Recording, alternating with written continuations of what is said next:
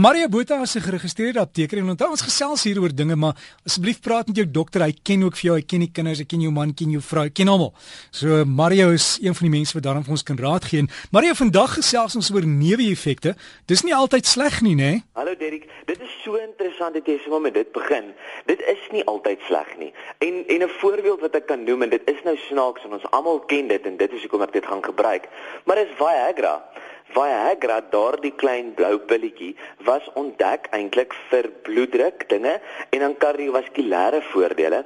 En skielik, toe hulle vir die proefkonyne dit nou gegee en die manlike proefkonyne se lakens het nou al hoër begin staan en toe besef ons, maar dit is 'n neeweffek wat ons eintlik kan vir iets anders gebruik en toe word die, die tablet bemark as 'n erektiele disfunksie tablet. En so, dit is een voorbeeld van 'n legio wat daar is om te wys dat neeweffekte eintlik ook voordelig kan wees. So neeweffekte is nie altyd 'n slegte ding nie, maar ons weet in die in die algemeen is neeweffek maar eintlik 'n slegte ding en ons en, en maar, dis hoekom ons vandag daaroor praat. En Mario mens mens gaan nou nie hare in die palms van die hande kry as jy daai goed gebruik nie, né? Nee. Nee, nie soos wat ons op skool geleer het nee, nie. Ek ek vra maar net goed om dit te gebruik. Maar Mario, daar's daar's ander middels wat kwai neeweffekte het wat vir jou baie siek kan maak, né? Daar is, daar is en, en jy kry per definisie eintlik twee tipes neeweffekte. En die een is wanneer terapie daardie stappie verder gaan, dan verander hierdie behandeling in 'n neeweffek. En dit is byvoorbeeld 'n voorbeeld is wanneer ons heparin of warfarin gebruik en ons begin bloei en ons praat van hierdie oormatige bloeding wat plaasvind. Die Engelse praat van hemorrhage. En wanneer hierdie hemorrhage of oormatige bloeding plaasvind, dan is dit byvoorbeeld omdat die dosis te veel is, dis te hoog geresepteer, die apteker het te veel daarvan gegee of die dokter het te veel dit voorgeskryf, weet in 'n te hoog in 'n te hoë dosis. En dan het ons hierdie neeweffek wat wat as gevolg van hierdie behandeling wat daardie stappie verder gegaan het, gebeur. Die ander een is byvoorbeeld net 'n teenreaksie. En dit is byvoorbeeld wanneer ons op chemoterapie is en ons word naar dan is dit 'n neeweffek en dit is maar net 'n teenreaksie wat daar is. Dis nie noodwendig 'n ongewenste reaksie wat dan plaasgevind het nie. So mens moet kan onderskei tref tussen wanneer is 'n neeweffek regtig ongewens en wanneer is dit maar net 'n neeweffek. En Mario die indikasie is gewoonlik of kan ek sê die reaksie word aangedui binnekant in die boksie het ons daai daai biljetjie binnekant, maar mense lees dit nie. Mense lees dit nie en Derek, ek dink baie keer van ons aptekers en dokters lees dit ook nie. Daardie lysie en en foubiljetjie is so belangrik. Ek sê vir vir party mense as dit 'n nuwe tablet is wat jy gaan drink, haal die manual uit daardie boksie uit en lees hom. Ons almal as ons 'n nuwe verwarmer of haardroër of enige iets nuuts koop, dan lees ons gewoonlik eintlik eers daardie boekie. Nou daai foubiljet in die boksie tablette is sy boekie. En ons moet weet hoe werk hierdie ding. Ons moet weet wanneer om hom te drink of wanneer nie. En dan moet ons weet wat kan ons verwag van 'n neeweffek? Wanneer is dit 'n slegte neeweffek? Wanneer is dit 'n goeie neeweffek? En ons moet dit kan raak sien. As iets met my gebeur in my liggaam, dan moet ek besef, o ja, maar dit is neergeskryf in die boekie. Dis eintlik normaal. Partykeer sal dit weggaan. Dis en partykeer gaan dit oorwaai, maar ons moet besef daar is neeweffekte en ons moet dit lees. So ek wil regtig dit druk op die luisteraars dat lees daai foubiljet. Selfs al is dit 'n kroniese middel en jy gebruik hom elke dag, mens weet nooit of daar 'n nuwe neeweffek bygekom het en dit mag dalk jou affekteer nie. So sommer as jy niks het om te doen vandag oor 'n koppie koffie, gaan haal jou foubiljetjies, moenie dit weggooi nie en lees dit 'n bietjie vir 'n slag deur. En Mario mense sê hulle het 'n verskoning, hulle kan nie sien nie, dis te klein, dan kry jy 'n vergrootglas of hierdie hierdie glasies wat hulle vir die kinders kan weet soos 'n brilletjie wat so toeklap met 'n ja. vergrootglas in. Ja, ja, Daai goed absoluut, werk. Absoluut. Weet jy wat? En dan vra maar 'n klein kind om dit vir jou te lees, dan doen ons twee goed. Ons toets sy leesvermoë en ouma of oupa hoor sommer wat die nuwe neeweffekte is. So dit is eintlik tweeledig van aard. Derek, ek moet gou praat oor die adverse drug reactions. En jammer vir die Engels, maar dit word maar so gelys wêreldwyd as 'n ADR. Die Afrikaans is dan 'n ongewenste geneesmiddel effek.